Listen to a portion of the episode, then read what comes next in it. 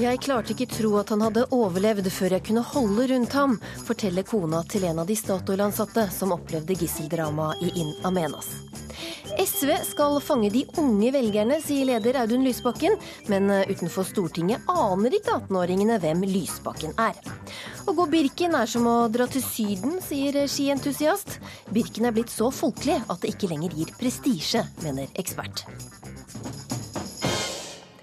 Dette er Ukeslutt med Linn Beate Gabrielsen, og vi starter som vanlig med en nyhetsoppdatering ved Arild Svalbjørg. Fremskrittspartiet frykter maktmisbruk i barnevernet hvis barnas biologiske tilknytning til foreldrene skal veie mindre i barnevernssaker.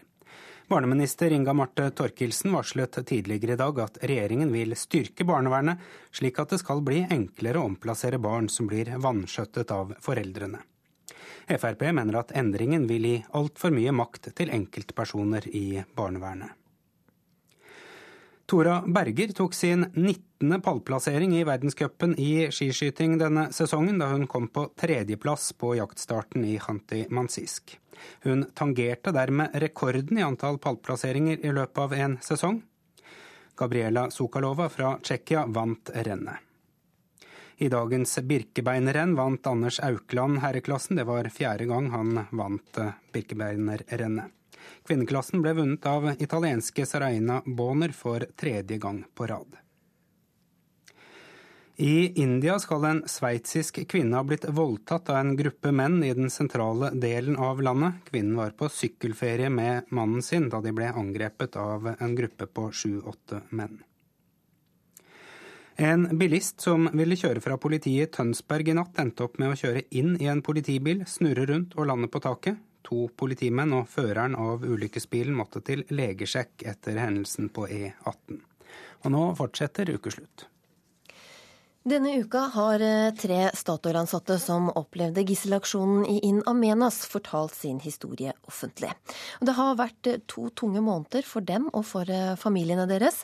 Anne Tafjord Kirkebø er gift med en av dem, Kolbjørn Kirkebø, og nå forteller hun sin historie til ukeslutt, fra det øyeblikket hun fikk vite at det var en gisselaksjon i In Amenas. Jeg eh, hørte det via Statoil som ringte ganske tidlig eh, på dag. Jeg tror eh, akkurat tidspunktet er litt usikkert ifra den dagen, men et eller annet sted mellom halv ti og ti, tror jeg. Hva gjorde du da, da du fikk den eh, beskjeden? jeg sto midt på gulvet, og jeg husker det veldig, veldig godt. Og eh, en, var, en, var, selvfølgelig veldig uforberedt. Altså en blir litt sånn eh, Ja, hallo, dette er fra Statoil. Så tenker du å ja. Og, og jeg hadde fremdeles ingen bange anelser. Men så kommer det. Vi har en gisselsituasjon, og vi ser veldig alvorlig på det i Inamenas. Og så fortsatte han med å si at eh, vi har oppretta eh, et pårørendesenter. Da var jeg lamslått, for da var jeg helt sikker på at Kolbjørn var død. Et pårørendesenter for meg, det er for døde mennesker hvor man får beskjed om at eh, dine kjære ikke lever lenger. Det var en veldig spesiell telefon. Hva var det neste du gjorde da? Tenkte du på å ringe han, eller hva? Nei, det hadde jeg fått beskjed om at det måtte jeg ikke gjøre. Jeg måtte ikke prøve å, å ringe, for det, hvis det var noen som gjemte seg, så kunne det avsløre hvor de var. Da terroristene slo til om morgenen 16.1, satt Kolbjørn Kirkebø i bussen på vei ut av anlegget i In Amenas. Slik beskriver han det som skjedde i et intervju med Oddgeir Øystese. Jeg sitter på andre sete i bussen, og foran, han som sitter foran meg, han, var, han, han kasta seg ned på gulvet først. Og så prøver jeg å se litt ut. altså ser jeg liksom veldig mye. Med, du ser sporlys i mørket, og du ser det er noe skygger, og du ser, ser det skytes veldig mye. Og så gikk det bare noen få sekunder før de første kulene traff da, bussen. Og kan du si, Idet han traff, da, så ble han som er sikkerhetssjef for oss, Paul Morgan, han, han ble skutt i bilen foran ene vakta borte på vaktposten ble skutt. Så, så legger jeg meg oppå han da, som ligger på gulvet, eller kaster meg ned. da. Og da idet jeg svinger meg rundt, så, så, kjenner jeg at noe treffer meg i høyre lår. Og det blir litt sånn nummen og litt varm, og, og at du føler at du er truffet av noe. da. Hva tenker du om utfallet av dette, når du skjønner at her er det terrorangrep i gang?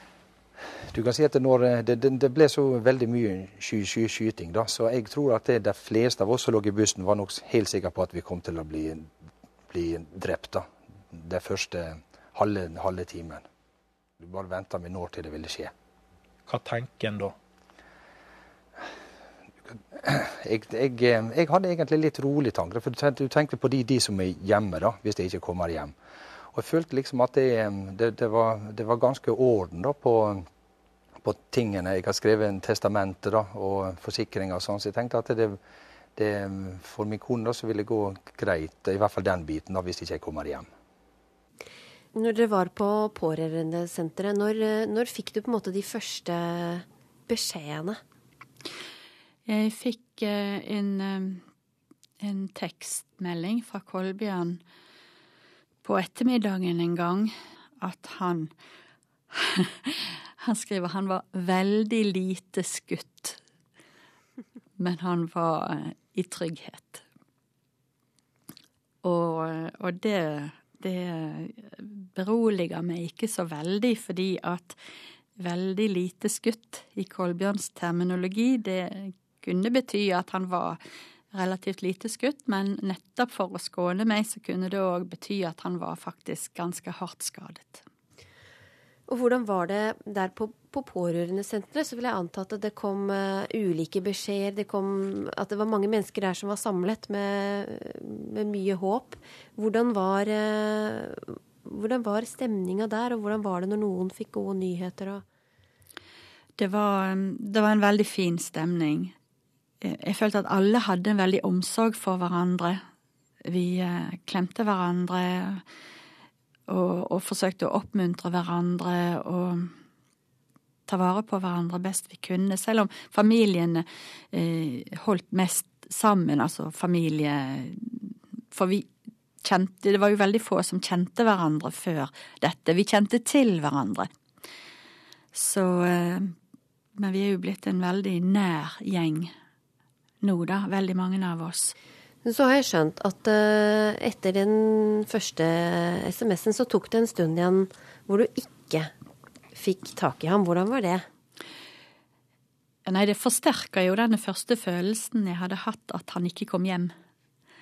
Så det var Det var helt uh, Den her lamslåttheten som, som jeg fikk ved den første telefonen, den, den satt i helt til uh, jeg traff han da fredagskveld, ganske seint fredag kveld. For um, det, var så, det var så usikkert. Jeg fikk ingen informasjon om Kolbjørn fra Statoil. Hvordan var det da, når du endelig fikk ham hjem, eller når dere møttes igjen? Det var Det var nesten litt uvirkelig, faktisk.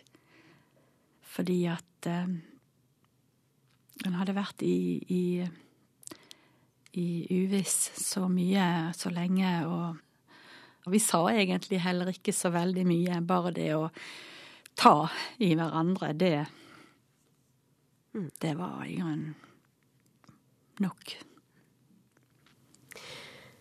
Hvordan har tida etterpå vært? Den har vært veldig tung.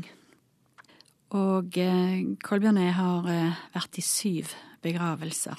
Vi var i tre begravelser her i landet, og så var vi i fire i England og Skottland. Og de hadde fått mindre informasjon om hva som hadde skjedd med deres, eh, enn vi visste her. Så de hadde et veldig informasjonsbehov. Det var veldig tøffe, veldig vonde spørsmål å forholde seg til.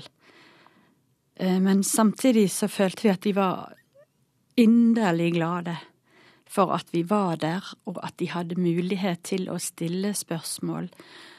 Og eh, at de fikk ta i Kolbjørn, som var den siste som snakket med pappa, som det var i noen tilfeller.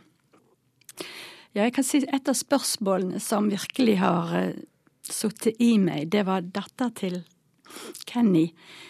Han hadde to skjønne døtre, og de var begge veldig, veldig Selvfølgelig De hadde det veldig vondt.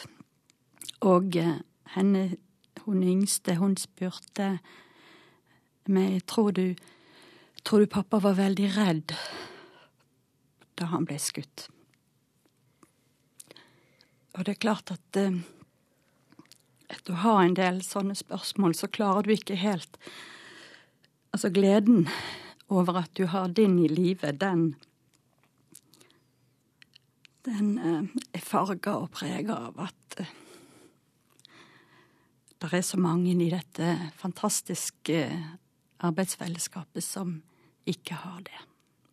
Kolbjørn har også sagt at han ikke vet om han vil eh, reise tilbake til In Amenas. Hva tenker du om det? Mange har sagt til meg ja, du sender den vel ikke ned igjen. Eh, nå er det jo ikke jeg som sender den ned igjen. Men, eh, men som Kolbjørn har sagt flere ganger, at der satt et par hundre mennesker utenfor i, i Hassim Saud da når alt var lagt ned, og de hadde stengt ned, og vi dro hjem, de dro hjem. De har ikke arbeid. Det er ikke noen det er ikke noe arbeidsledighetstrygd. Så lenge arbeidet pågår der nede, så er det veldig mange mennesker som har arbeid som har inntekt, som kan forsørge familiene sine. Barn kan gå på skole.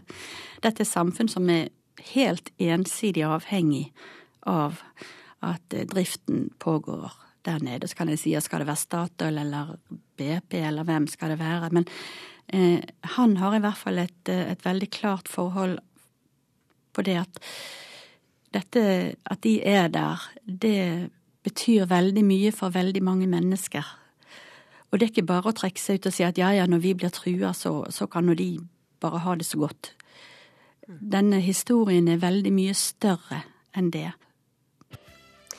Audun Lysbakken og co. må jobbe beinhardt de neste månedene dersom SV skal klare å vinne tilbake velgerne. For regjeringspartiet står nå i fare for å havne under sperregrensa kommende valg, men eh, Lysbakken ser optimistisk fram mot våren. Ukesluttsreporter Kari Li ville finne ut om han har noen grunn til det. Vi har vært ute noen vinternetter før. Dette er Audun Lysbakken i mars 2012. Det blir snart vår. Den nyvalgte lederen skulle sørge for en ny vår for SV.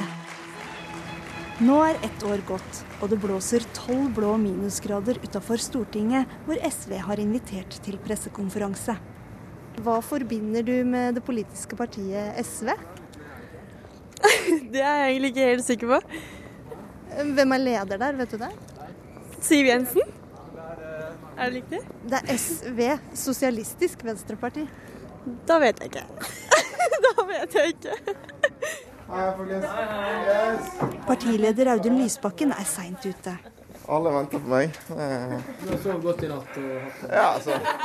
De andre småbarnsforeldrene i SV-ledelsen veit at Lysbakken har vært oppe hele natta med sjukt barn. Siste måling fra NRK viste et SV under sperregrensa på 4 blir det resultatet 9.9, ramler partiet ut av Stortinget. Er det litt stress? Nei, vi er godt i rute nå. Vi har jo hele dagen på oss, så det blir bra. Mangel på velgere og søvn preger ikke Lysbakken. I gråbrun dress og slips strener han opp trappa til pressekonferansen. Hyggelig å se dere, folkens. Eh, velkommen til det som eh, er en liten oppvarming. Alle kommentatorene er på plass.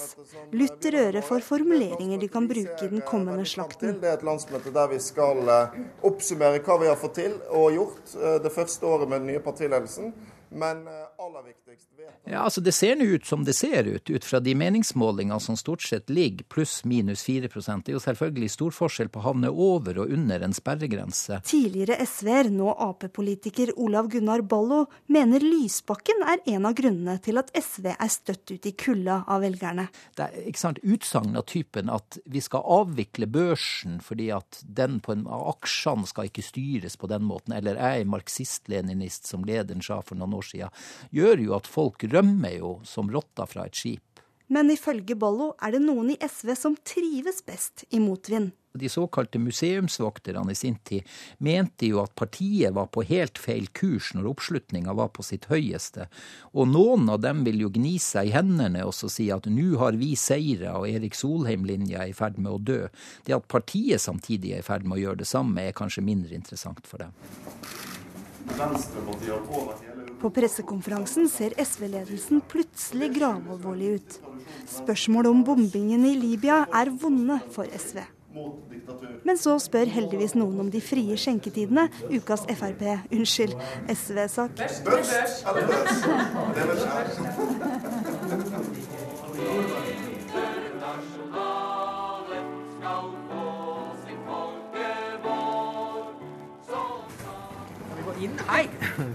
Husker du SVs store håp på 90-tallet? Han unge stortingsrepresentanten med for stor dress og Harry Potter-briller? Paul Shaffey er blitt grå i håret, og det er lenge siden han mista trua på SV. Alle har en fortid i SV, noen har en nåtid, men det er neppe noen som har en fremtid. Det er litt stygt uh, sagt, det, da, så det kan godt hende det er noen som har en fremtid også. Paul Shaffey er blitt høyremann og bekymrer seg ikke lenger for SVs skjebne. Jeg, uh, altså, jeg er jo ikke av de som kommer til å savne SV mest hvis det forsvinner, men, men jeg tror det er uh, rom for et politisk bevegelse som på en eller annen måte er mer eh, systemkritisk enn sosialdemokratiske eh, arbeiderpartiene, da. Om det blir rom for SV på Stortinget kommende høst, avgjøres kanskje av de unge velgerne. SV, det er det Kristin som var som leder? At hun er partileder nå? Ja. Nei, nå er det Audun Lysbakken. Jeg har aldri hørt om henne. Uh, vet veldig mye om hva Arbeiderpartiet som holder på med, men, og liksom Høyre og sånn. Men ikke SV? Nei, ikke så veldig mye. Enn du? Hva tenker du hvis jeg sier SV? Jeg følger ikke så veldig mye med på uh, politikken i dag. Og du er hvor gammel? Jeg er 17. Jeg blir 18 i november. Da kan du stemme, da. Ja. Pressekonferansen er over, og Audun Lysbakken kan ta dagens første kaffe. Kaffe og vann. Når jeg spør de som er litt oppe i åra hva de forbinder med SV, så sier de miljø og solidaritet. Spør de yngre, så vet de ikke. Kan det være et signal til deg? Ja, det er veldig viktig for oss å, å, vinne tilbake de unge velgerne. Eh, det så vi var en viktig grunn til at vi gikk tilbake i 2011. Jeg tror det er en enkel forklaring på det. og det er at Vi har sittet veldig mange år i en regjering der SV har båret mye av belastningen ved troverdigheten til det rød-grønne samarbeidet. Du er da langt mer optimistisk enn de som sier at uh, går det dårlig for SV i valget, så forsvinner hele SV. Sånn som eh, Olav Gunnar Ballo f.eks., som kaller deg for svermer og marxist-leninist. Eh, er det sånt som eh, skader deg? Altså, Hva medlemmer av andre partier sier, bryr jeg meg ikke om. Olav Gunnar er medlem i Arbeiderpartiet, så eh, han har ingen interesse av å snakke positivt om SV. Er det kommende valget et være eller ikke være for SV?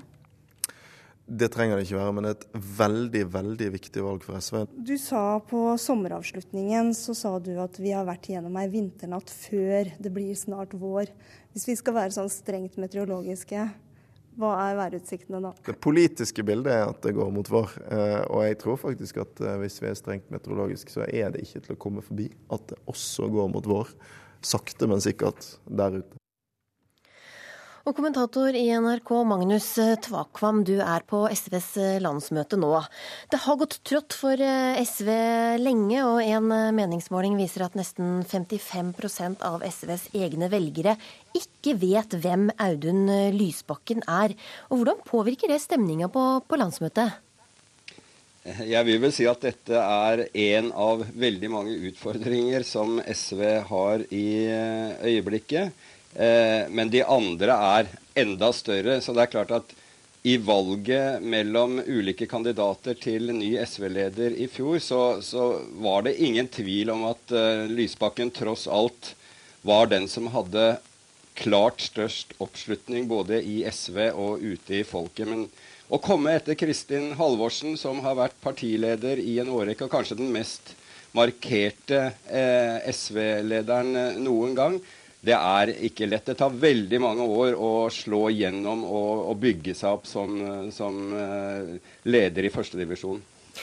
Hva tror du er grunnen til at eh, SV sliter? Det er en Altså, jeg tror, som vi har vært inne på i løpet av dette landsmøtet, at også SV er lider av regjeringsslitasjen som hele den rød-grønne regjeringen uh, gjør. Og kanskje særlig et parti som SV, fordi de har jo måttet bevege seg fra sine primærstandpunkter inn mot Arbeiderpartiet med nødvendighet. Og han har gjort kompromisser som smerter uh, gamle SV-ere langt inn i sjela, som bare for å ta eh, Nato-aksjonen i Libya som et siste eksempel. Så det er i hvert fall en viktig del av forklaringen. SV venter på en ny vår, men eh, snør ned på, på landsmøtet. Hvordan har de tenkt å snu trenden? Altså, De prøver å mobilisere en massiv valgkampinnsats når det gjelder eh, det å gå ut på gatene osv. Og, så og ha minivalgkamp, aksjonsuker osv. i Eh, april. På den måten mobilisere alt det de har av folk. Og når det gjelder eh, politisk, så, så har de da eh, trukket opp Frp-kortet. De vil skremme med Frp, rett og slett. De har målinger som, som viser at eh, ifølge SV-erne i hvert fall, at svært mange velgere er veldig skeptiske fremdeles til Frp i regjering. Så det er den måten de vil komme inn i valgkampen på, med å vise at det ikke er noe sånn lyseblått, uh, snilt uh, alternativ det er snakk om til høsten. Helt kort til slutt, Har han klart å motivere SV-erne SV nå? Har han fått noe trøkk i landsmøtet nå som de skal ut og hente inn nye velgere? Altså, SV-erne her var veldig godt fornøyd med talen til Lysbakken. Så det han har hatt mulighet til å gjøre, det har han gjort bra. Og helt spesielt så så trakk de fram at ja, i den talen viste faktisk Lysbakken humør. Han var morsom. Og det har vært et av de kritiske punktene mot Lysbakken. At han ikke har liksom hatt denne litt glimt i øyet i, i stor nok grad. Så ja, han, han, har gjort jobben sin så langt han kunne, i hvert fall hittil. Takk skal du ha, Magnus Takvam. Du hører på Ukeslutt i NRK P1 og P2, hvor det straks blir mer om dette. VG skremmer foreldre unødvendig. De sauser sammen tragiske barnehagedødsfall og bæsjelukt, sier pappa, som er glad VG ikke har gransket hjemmet hans. Og Birkebeinerrennet er blitt som å dra til Syden, mener skientusiast. Birken mister prestisje fordi vanlige folk inntar løypa, mener ekspert. Anders Aukland tok sin eh, fjerde seier i Birkebeinerløpet i dag. Og også fotfolket begynner å komme i mål i det 54 km lange rennet mellom Rena og Lillehammer. Og hvordan er stemninga i målområdet, reporter Geir Rød? Ja, her er det masse mennesker som kommer til mål. Noen er fryktelig slitne. Noen eh, ser det ut som de har bare gått noen få kilometer eh, på en rolig søndagstur. Eh, men det er en del som sliter. Bl.a. en som skulle gå på treski, en skikkelig spreking som skulle gå på treski. Han brøyt. Erling Jevne, den kjente skiløperen fra distriktet her, han sier at det er det hardeste løpet han, eller hardeste Birken han noen gang har gått nå i år. Og Rune Bergsodden, du er Birken Birken-general. Det meldes om at det er tøft på fjellet og dårlige spor? Ja, det har vært et tøft føre. Den, den nysnøen vi har fått i natt og i dag, den har bidratt til at det har blitt eh, relativt trått. Så det har nok vært en tøff tur i dag. De siste dagene og nesten ukene så har det vært sol og flott vær og kanskje litt kaldt, men det har vært bedre hvis Birken hadde gått i går?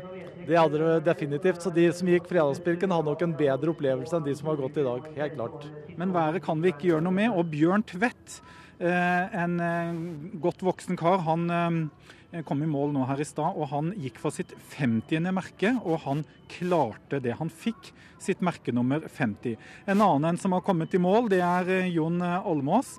Han mista kontaktlinsa og hadde litt problemer med å se. Og det her sa han til oss nesten før han fikk igjen pusten.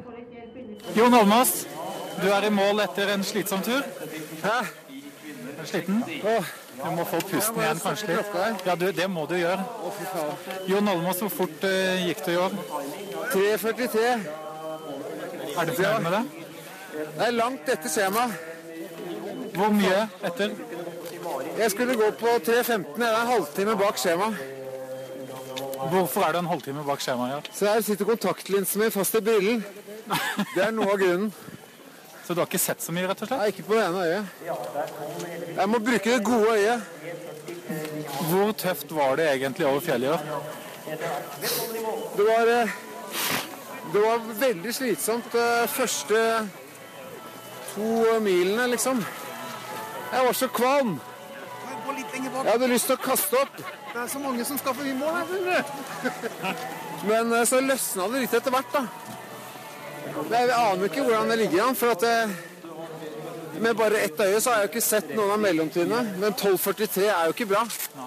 Får jeg spørre deg om eh, en ting? Eh, Mange mener at Birken er i ferd med å bli for folkelig nå.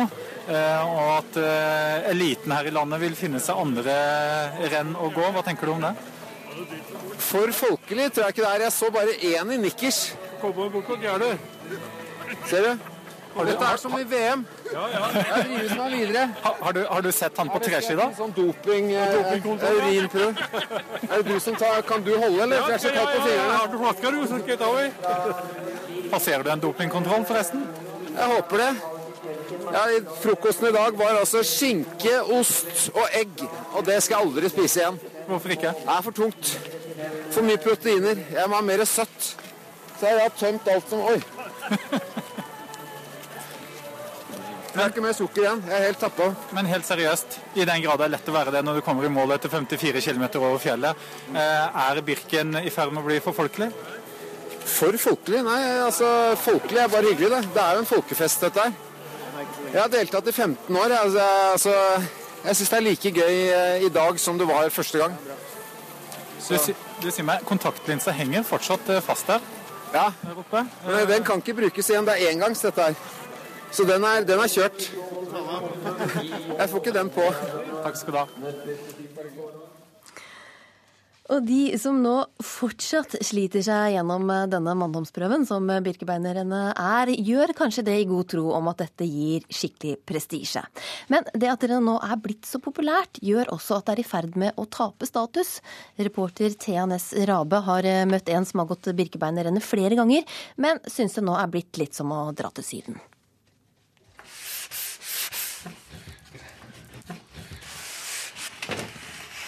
Har eh, som eh, noen eh, et par klisterski og et par tørsleski. Og så har jeg vel par, to par skøyteski. Og så har jeg også litt randonee-ski og, og, og slalåmski. Så det blir vel noen par hvis jeg summerer opp. Torleif Alsand er glad i å gå på ski. Veldig glad i å gå på ski. Nå er han hjemme i sin egen private smørebod på Grefsen i Oslo. Her står familiens skiensemble på rekke og rad. Skiene skal børstes, pusses, glides og smøres før de skal legges ut på en langtur. Men Birkebeinerrennet, det blir det ikke i dag. Så jeg syns det blir litt sånn sydentur med veldig, veldig mange mennesker. Og eh, det er sånn kamp om å få plass i startsporet. Og, og det er jo øyeblikk der som jeg har opplevd, hvor du nesten er flau over å være en del av menneskeheten. Altså. Hvor folk liksom brøyter seg vei og dytter folk til side for å liksom å komme seg først mulig fram i sporene med sine ski. Birken er, er i ferd med å bli utgått som status. Samfunnsgeograf Carl Fredrik Tangen mener at denne Birken har blitt en såpass stor snakkis at folk nå faktisk rømmer fra rennet. Det er for mange som kommer igjen, som ikke lager statusen, men som skal liksom hente fra statusen. Og de blir litt sånn statusparasitter som kanskje kan skryte to år, men så vil vi jo ikke høre de folka. Og det er det vi kommer til å se nå med Birkebeineren. At eh, i løpet av kort tid så kommer det ikke til å være sånn lenger at børsmeglere skryter at de har gått Birkebeineren. Skientusiasten i smørebodene Torleif Alsand er selv investor og kjenner derfor til denne Birkenfeberen som er i næringslivet. Men jeg har jo registrert at det er mange i næringslivet som syns Birken er stas. Jeg leser jo også bl.a. i, finansaviser og Dagens Næringsliv at, uh, at Birken er mer og mer viktig for den type mennesker. Redaktør for Birkenbladet Dagens Næringsliv, Amund Djuve, er ikke lei av Birkebeinerrennet. Han skal selv gå rennet i helgen, og han tror heller ikke at Birken vil miste status fordi at det skrives mye om det. Jeg tror man skal være forsiktig og tro at fordi Dagens Næringsliv har skrevet en del om Birken, vi bruker liksom en gang i uken, så har vi en seksjon hvor vi skriver om og trening og den type ting. Man skal være forsiktig, derfor tro at det primært er eh, næringslivsledere som går, eh, går, Birken. For det er det ikke. Det har kanskje blitt et større innslag av at også folk med med lederjobber har liksom tatt seg tid og begynt å gå. Det har litt mer, blitt litt mer eh, inn skal vi si det, i, i, den type miljøer også å gå der. Men først og fremst Først og fremst så er det vanlige folk. Og det er nettopp disse vanlige folk som eh, samfunnsgeograf Tangen mener at vil ta bort det prestisjefylte med Birken. Så det vil jo ikke assosieres med det som er lavere enn seg i et sånn næringslivshierarki. Og da blir jo Altså Hvis du syns at du er heva over yrkesmessig, så syns jeg at du kan godt være heva over litt fritidsmessig um, også. Så da må de flytte til et annet sted? Så da må de ta gjengen og dra til Marcialonga. Marcialonga i Italia er et sånt eh, renn som, som, folk har liksom gått videre til. Og da må du jo vite om det, du må vite hvordan du skal uttale det, du må eh, reise dit. Men eh, selv Italia har blitt for folksomt. Det mener investor og skientusiast Torleif Alsam. Jeg har gått uh, Marcialonga to ganger, men uh, jeg får litt etter hvert den samme følelsen som i Birken, at det er liksom veldig mye mennesker. Da syns jeg det er igjen flottere å gå i Nordmarka eller Drammensmarka. Så i dag blir det ikke startnummer på brystet for Torleif Alsam. Derimot blir det tomme løyper og helt nypreppa ski. Nå typisk eh, er det bare å gå ned eh, der, og så er du ute i skisporet. Og Da kan du gå inn i eh, Lillemarka. Et fantastisk sted å gå på ski. Det er mye mindre mennesker enn det vi finner fra de klassiske utfartsstedene. Så god tur ut på ski nå, da. Takk for det. Det ser ut til å bli en strålende dag, så det blir sikkert helt utmerket. Ha det bra.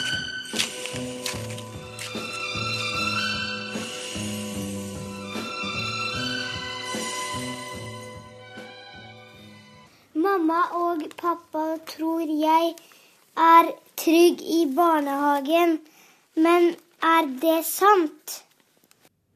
Dette sto med barneskrift på VGs forside mandag, og skremte sikkert mange foreldre til å kjøpe avisa. VG har nemlig gransket barnehagene og gått gjennom 4500 tilsynsrapporter. Det de har funnet ut, er bl.a. at barnehager har drikkekopper på do, bæsjelukt og manglende sikring av lekeapparater. Ukeslutt har hørt med barna om hvilke farer de møter i barnehagen. Eh, da det er vinter, da er det sånn is over, eh, over sandkassa, så da tror jeg at vi må skli litt forsiktig. Mm. Og ikke klatre på taket. Og ikke gå over gjerdet. Og så er det ikke lov til å skli superfort i skliene. Hender det at eh, du slår deg i barnehagen? Mm, jeg falt på is uten votter.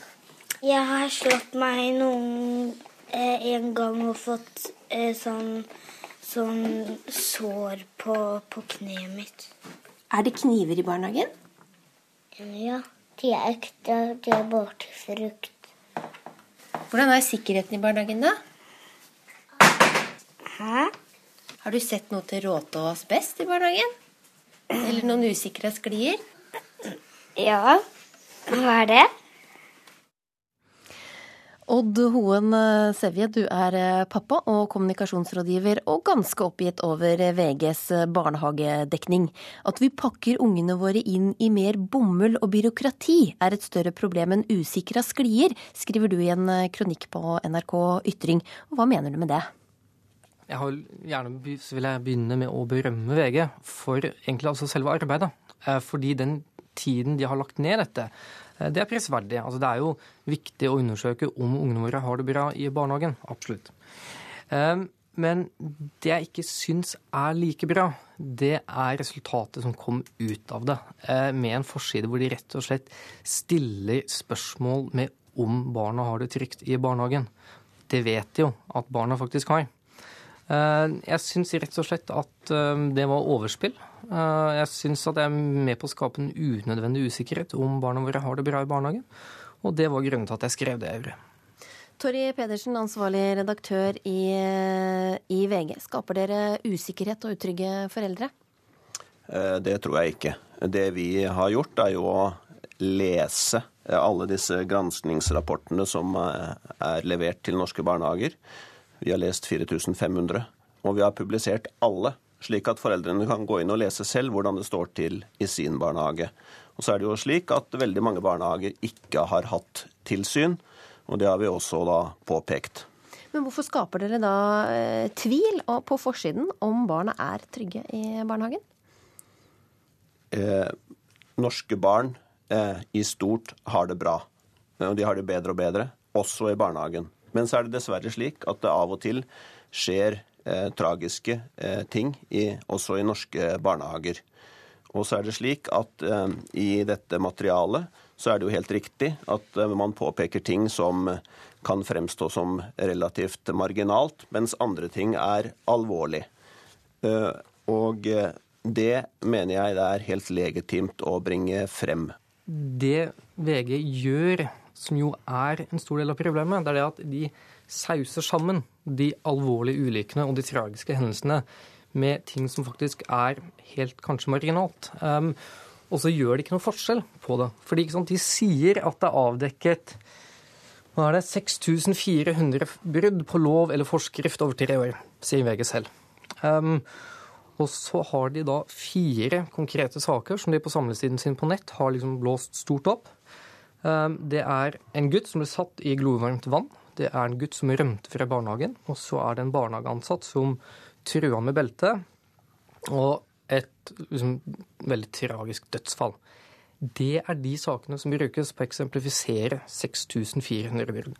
Nå er ikke jeg så veldig god i hoderegning, men det er vel under en halv, eller sånn rundt en halv promille det, av sakene. Hvis man ikke kan gjøre noe forskjell på hva som er hva, så blir det jo egentlig helt umulig å si noe om hva er verdien i det VG faktisk har funnet. Tore Pedersen? Eh, ja, nå trakk han, trakk han fram fire eh, alvorlige tilfeller. Men har... Det er jo mye her. Skitne håndklær og bleieskift. Ja, Men er ikke det hele poenget? Vi viser jo hele spennvidden i hva de rapportene inneholder. For eksempel så når vi hadde 30 eksempler i den første reportasjen om dette, så var det en av eh, rapportene som påpekte at det var brennesle nær barnehagen. Jeg personlig syns også det er ikke spesielt urovekkende. Men poenget var jo å vise bredden i eh, tilbakemeldingene i forhold til det regelverket som er vedtatt av politikerne. Men er det ikke da med til å skape denne frykten som vi også ser på forsiden, når man drar fram et dødsfall i hovedsaken? Eh, jeg tror ikke norske foreldre har blitt skremt av dette. Jeg tror norske foreldre vet at norske barn eh, overordnet sett har det bra.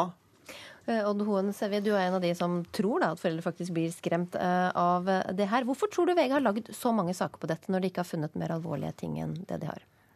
Jeg vet ikke helt om alle blir skremt. Jeg tror heller tvert imot reaksjonen på sosiale medier tilsier vel litt at mange avslører overspillet til VG. Men for å si det sånn, jeg tror at uh, hva skal vi si, Grunnen til at VG har gjort som de har gjort, uh, og lagd så mye saker, det er kanskje litt fordi at gravingen er ressurskrevende. Og da må VG på sett og vis rettferdiggjøre litt overfor seg selv og overfor leserne den energien og ressursene som er lagt ned i det. Dessverre. Altså, sagt på en litt annen måte.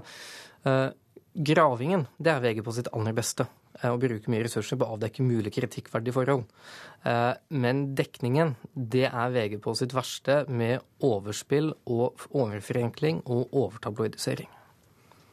Ja, Det er jo interessant at han trekker fram eh, sosiale medier, og han leser kanskje sosiale medier litt annerledes enn meg. Jeg ser at hans kronikk på NRK har fått 27 kommentarer. I VGs eh, database på dette så er det vel 5000 kommentarer. Min, det går vel på de enkelte barnehager? Min, min mailboks er full av hyllest eh, eh, om eh, dekningen av dette fra foreldre over hele landet. Eh, men selvfølgelig er det eh, uenighet om Men det var jo noe av hensikten med dette. Å skape debatt. Vi tror jo, vi tror jo på at åpenhet og diskusjon bidrar til å fremme beslutninger som bedrer kvaliteten på norske barnehager. Tror ikke du også at, uh, Har ikke du tro på at dette kan føre til at det blir faktisk bedre barnehager for barna våre?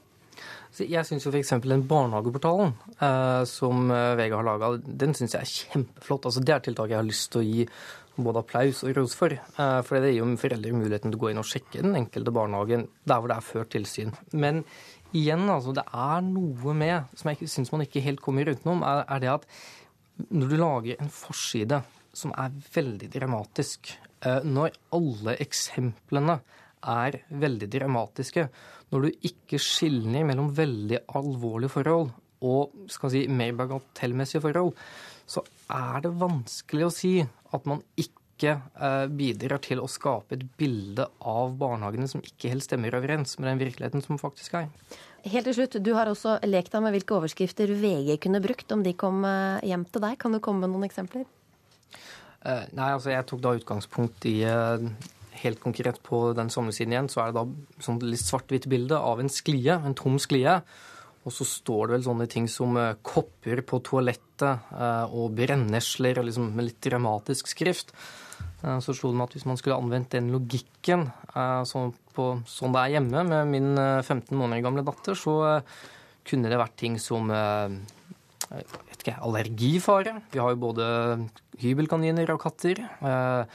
At hun kunne finne på å spise hundemat, kunne man skrevet med store bokstaver. Og her om dagen så var hun i nærheten av å få tak i en brødkniv. Og i god vegan så kunne man kanskje da slått opp knivdesperado. Hva vet jeg. Takk skal dere ha, Odd Hoen Sevje og Torry Pedersen. Og vi har akkurat fått inn en melding om at en person skal være tatt av et snøskred i Hoksdalen i Rissa kommune i Sør-Trøndelag. Redningsmannskaper er sendt til stedet, og ifølge politiet er situasjonen uoversiktlig. Hovedredningssentralen har også sendt et redningshelikopter til stedet, og skredet det skal ha gått i nærheten av fjellet Naglen. En ganske fersk statsråd som svarer til Jens skal straks debutere med et spørsmål om lisens. Vurderer hun å ta penger som søta bror gjør, for nettbrett og slik, som før hadde rør? President, da tar jeg dissens. Ib Thomsen fra Fremskrittspartiet prøvde seg på et limerick fra Stortingets talerstol på onsdag, da han skulle stille et spørsmål til kulturminister Hadia Tajik. Og det skjer ikke altfor ofte at politikerne gjør krumspring i stortingssalen, som har strenge regler for tale og opptreden. Her er det jo så konformt. Eh, vi kan jo ikke si et eneste ord uten at det er akkurat innenfor en sånn eh, firkantet boks. Så ærlig talt, litt humor må man ha. Det mener stortingsrepresentant for Fremskrittspartiet Christian Tybring-Gjedde. Han står i den gullforgylte stortingssalen og peker bort mot talerstolen. Jeg står på talerstolen. I desember i fjor skvatt den politiske forsamlingen til da Tybring-Gjedde plutselig holdt opp plakater under et innlegg om skatt og dro opp fire store gule plakater som jeg hadde skrevet på med sort tusj. Tror jeg har skrevet dem ned. Skal vi se. Uh, og de plakatene har blitt konfiskert da, av presidentskapet, så det, de får jeg ikke tak i. Altså Det ikke blir noen nullskattytere med Fremskrittspartiet, var også et av disse. Eh, og at Fremskrittspartiet i regjering blir frihet, trygghet og handlekraft. Så måtte jeg da selvfølgelig eh, lese opp plakatteksten, og så viste jeg den frem til hele salen, fra høyre til venstre og tilbake igjen. La den pent ned, fortsatte manuskriptet, og så kom plakat to og plakat tre og plakat fire. Tybring-Gjedde møter stortingspresident Dag Terje Andersen utenfor salen. Ikke bare fremføring av limerick og konfiskering av plakater har forekommet i stortingssalen.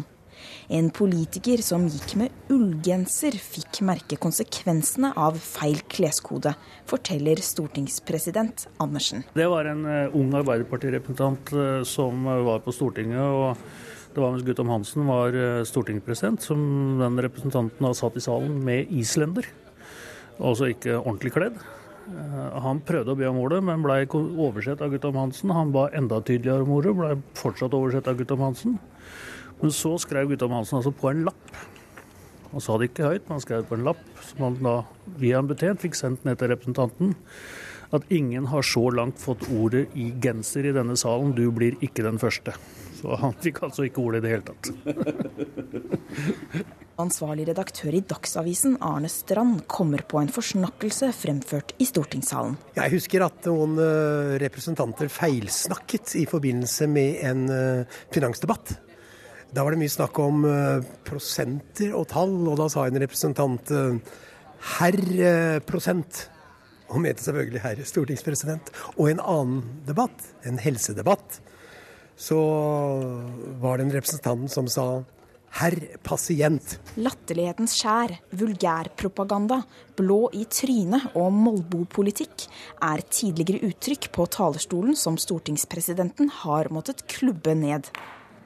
Upassende eller fornærmende atferd og tale er nemlig ikke tillatt i stortingssalen. President, eh, på vegne av Stortingspresidenten har hørt mange innlegg fra talerstolen. Han har ikke noe imot limerick i spørretimen, men da bør helst rim og rytme stemme. Når det gjaldt limericken som var her denne uka, så er jo ikke det noe uparlamentarisk å prøve å si ting eh, på en artig måte, selv om jeg syns limerickene til Jon Harvik Karlsen nok eh, kommer bedre ut. Det mangla vel litt på både rytme og rim i den limericken som ble lagt fram, men det var et forsøk, og, det tar vi ikke noe skade av. Reporter på Stortinget var Jelena Kabo. Og været har eh, skapt en del eh, problemer det siste døgnet. Hva kan vi vente oss av vær i dag, statsmeteorolog Bente Wahl? Ja, det blir fortsatt litt vær, for å si det sånn. Må nok fortsatt vente litt vanskelige kjøreforhold deler av det østafjelske, og det er hovedsakelig Agder eh, det er eh, verst også i dag. Så skal vi ta været videre. Temperaturutsiktene. Det skjer ikke så mye her. Uendret eller litt stigende temperatur i hele landet. Så starter vi med fjell i Sør-Norge, som får sørøstlig kuling utsatte steder. Litt snø i Langfjella, mens lenger nord opphold og mye pent vær aller lengst nord. Søndag blir det stort sett opphold i vest og nord, mens de østlige strøk fra Jotunheimen og sørover kommer litt snø, men også her blir det lettere fra i morgen ettermiddag. Østafjells sørøstlig frisk bris på kysten. Det blir kuling på kysten av Agder. Litt snø, men lettere øst for Oslo i ettermiddag og kveld.